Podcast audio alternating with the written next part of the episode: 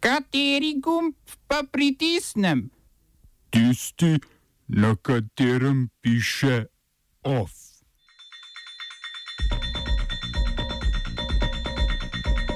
Walmart bo plačal odškodnino zaradi korupcije. V Gvatemali ponovno štetje glasov. V Tbilisiju nasilni protivladni protesti. EU brez zaveze o oglični neutralnosti. In memoriam Anjes Varda v kinoteki. Pozdravljeni. Ameriški veletrgovec Walmart bo moral plačati 250 milijonov evrov kazni zaradi korupcije svojih poslovnih partnerjev v Latinski Ameriki, Indiji in jugovzhodni Aziji. Po navedbah toživstva so v Walmartu sodelovali v korupciji in poslovne partnerje spodbujali pri podkupovanju lokalnih oblasti na območjih, kjer so načrtovali gradnjo novih trgovin. Stalna praksa je bilo financiranje tako imenovanih strokovnjakov za lokalno politično okolje, prek katerih so podkupovali lokalne oblasti.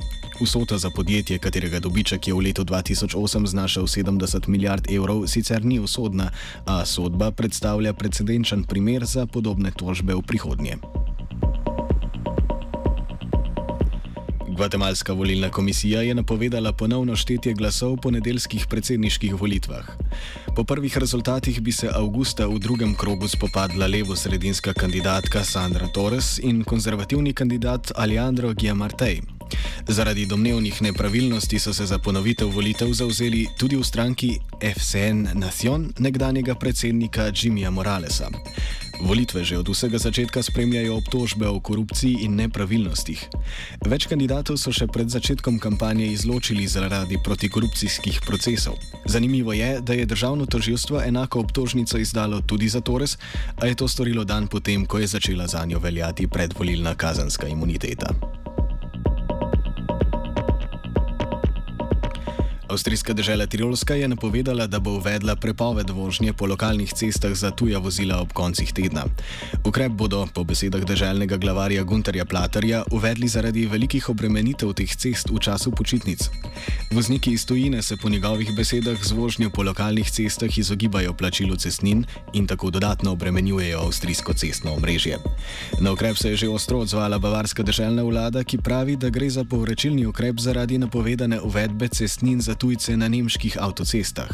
Sodišče EU je omenjene cestnine označilo za neskladne z evropsko zakonodajo in Nemčiji naročilo naj ustavi sprejemanje novega zakona o avtocestah. Omejitev vožnje po lokalnih cestah ob koncu tedna za to vrstna vozila v tranzitu sicer velja tudi v Sloveniji. Približno 10 tisoč protestnikov je med protiruskimi protesti v prestolnici Gruzije Tbilisiju poskušalo udreti v poslopje parlamenta, kjer so jih ustavili policisti z gumijastimi naboji in sozivcem. Na protestih, v katerih je bilo ranjenih več kot 200 ljudi, so zahtevali odstop predsednika parlamenta Irakija Kobačidzeja, ki so ga po zadnjih informacijah tudi dosegli. Protestnike je razburil obisk poslanca Ruske dume Sergeja Gavrilova, ki je predsedoval sestanku o političnih in verskih zadevah v gruzijskem parlamentu.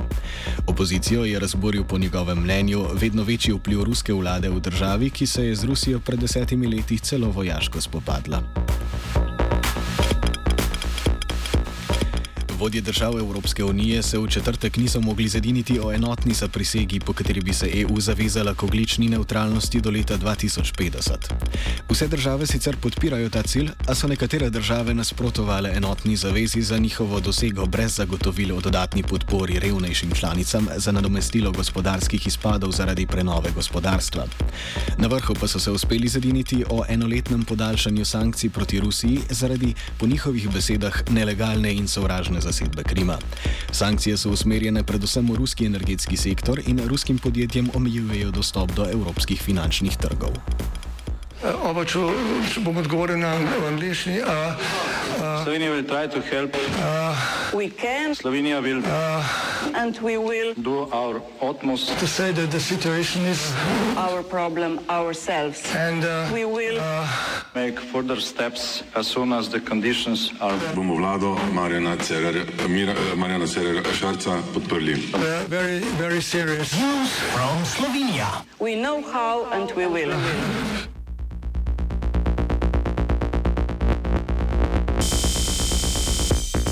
Interpelacija z oporobramnega ministra Karla Rjavca v državnem zboru, kot kaže, ne bo uspela.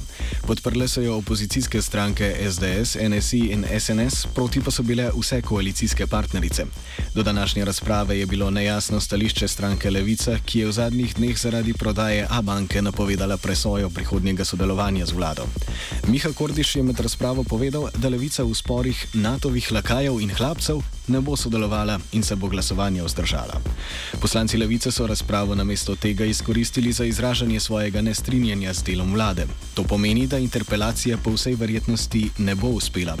Za razpravo je sicer namenjenih 14 ur, zato bo končna odločitev verjetno znana šele zvečer.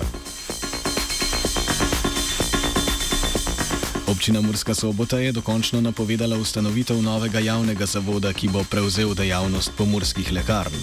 Spor med javnim zavodom in občino sicer traja že nekaj časa in sicer zaradi imenovanja Ivana Zajca za vršilca dolžnosti zavoda, čemur občina nasprotuje in zaradi neupoštevanja navodil občine glede naročanja zdravil prek javnih naročil.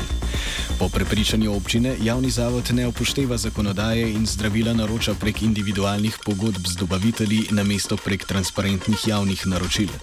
Občina je zavodu za to, da z mesta direktorja razreši Zajca, dala dvomesečni rok, ki se izteče v torek 25. junija, vendar zavod roka ne namerava upoštevati. Of je spisal Kuruza.